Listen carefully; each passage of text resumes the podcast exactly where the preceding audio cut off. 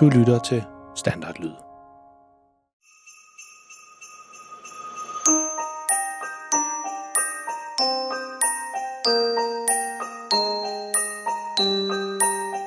Børnene Freja og Malte og deres mildt sagt pinlige far kommer sammen ud på et fantastisk juleeventyr, der strækker sig fra deres egen stue til Grønlands kolde sne og tilbage igen.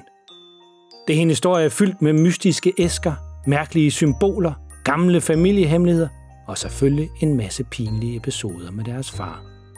Hele familien er taget sted i bilen for at se, om de kan nå at komme ned til en blomsterhandler, inden de lukker for at få fat på en blomst til farmor og mor.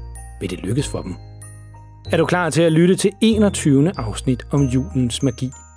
Og gør dig klar til at dykke ned i et eventyr, der kan få dig til at krumme tæerne, grine og måske endda tro lidt mere på julens magi. Dagens afsnit hedder Hjælper.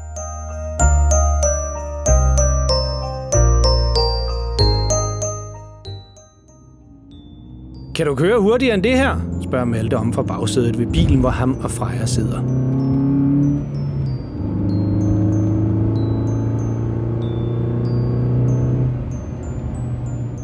De er alle sammen hoppet ind i bilen og kører nu i fuld fart ned til byen for at se, om de kan nå at komme ned til blomsterhandleren, inden de lukker. Klokken er allerede mange om aftenen, så det er på ingen måde sikkert, at de når det.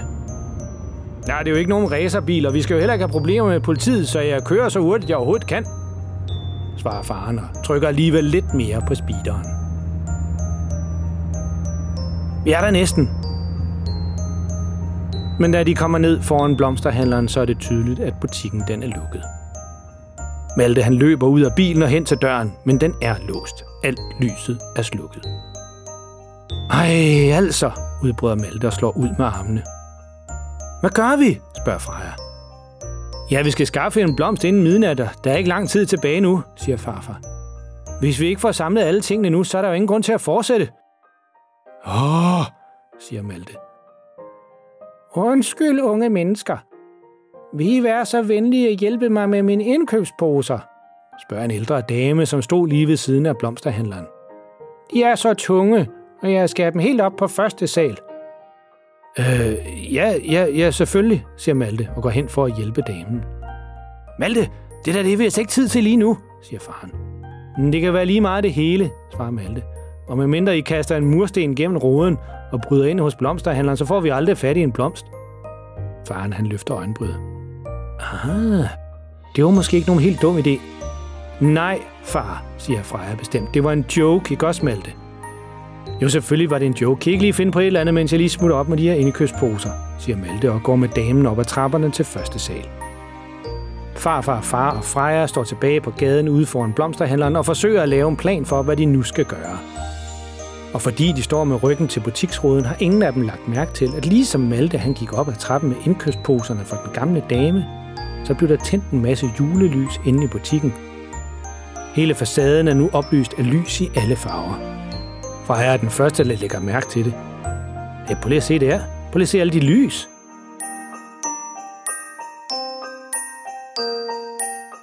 Det tager ikke Malte lang tid at gå op ad trappen med de tunge indkøbsposer, og den gamle dame kommer gående lige bag ved ham. Han stiller poserne foran hendes dør. Skal jeg ikke lige bære dem helt ind? Åh, oh, vil du? Det er jo sådan en stor hjælp for mig, siger damen og går hen og låser hoveddøren til lejligheden op på første sal. Kom ind, kom ind, siger hun, mens hun vifter Malte indenfor. Han bliver helt overrasket over alle blomsterne, som er inde i lejligheden, og han kan ikke lade være med at sige, åh, oh, det er godt nok mange blomster, du har i din lejlighed, det må jeg sige. Ja, tak, unge mand. Der skal jo være nogen fordel ved at bo oven på en blomsterbutik, svarer damen. Vil du ikke have et lille bolsje som tak for hjælp med at slæbe indkøbsposerne herop til mig? Det er da det mindste, jeg kan gøre. Nej, eller altså, jo, jo, jo, jo, tak, siger Malte endelig og tager imod et bolsje. Ja, det er jo bare et lille symbol på din hjælpsomhed. Du har i hvert fald bragt mig glæde, siger den gamle dame og smiler til Malte. Et symbol, siger Malte, mens han kigger på bolsjet. Sig lige det igen. Hvad, hvad mente du? Ja, jeg synes bare, det er dejligt, at sådan en ung mand som dig hjælper mig uden at forvente noget. Og så har jeg kun det her lille bolsje, jeg kan give dig. Men du kan se på det som et symbol på, at du har hjulpet mig. Det er måske ligefrem noget, der kan bringe dig glæde også. Selvfølgelig, udbrød Malte. Et symbol! Det er det, der manglede. Malte han siger tak for bolset og flyver næsten ned ad trappen igen for at sige det til alle de andre.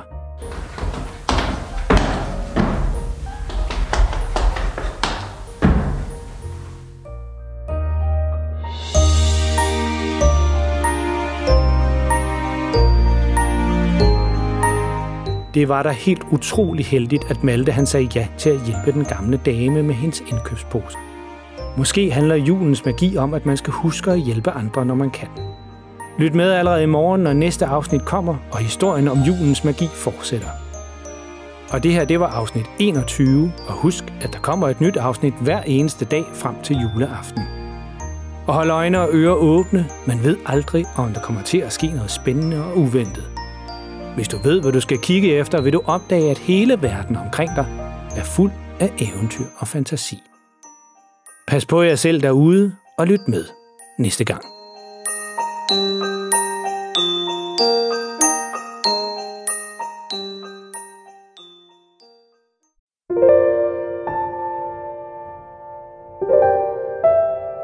Er det tid til at sove nu? Har du husket at børste tænderne? Godt. Nu kommer der lige noget stille musik, som du allerede nu kan høre lidt i baggrunden. Det kan du ligge og lytte til, mens du ligger og kigger rundt i værelset og tænker på alt det sjove, der er sket i dag. Eller du kan jo lukke øjnene og selv komme på en historie, mens du lytter til musikken.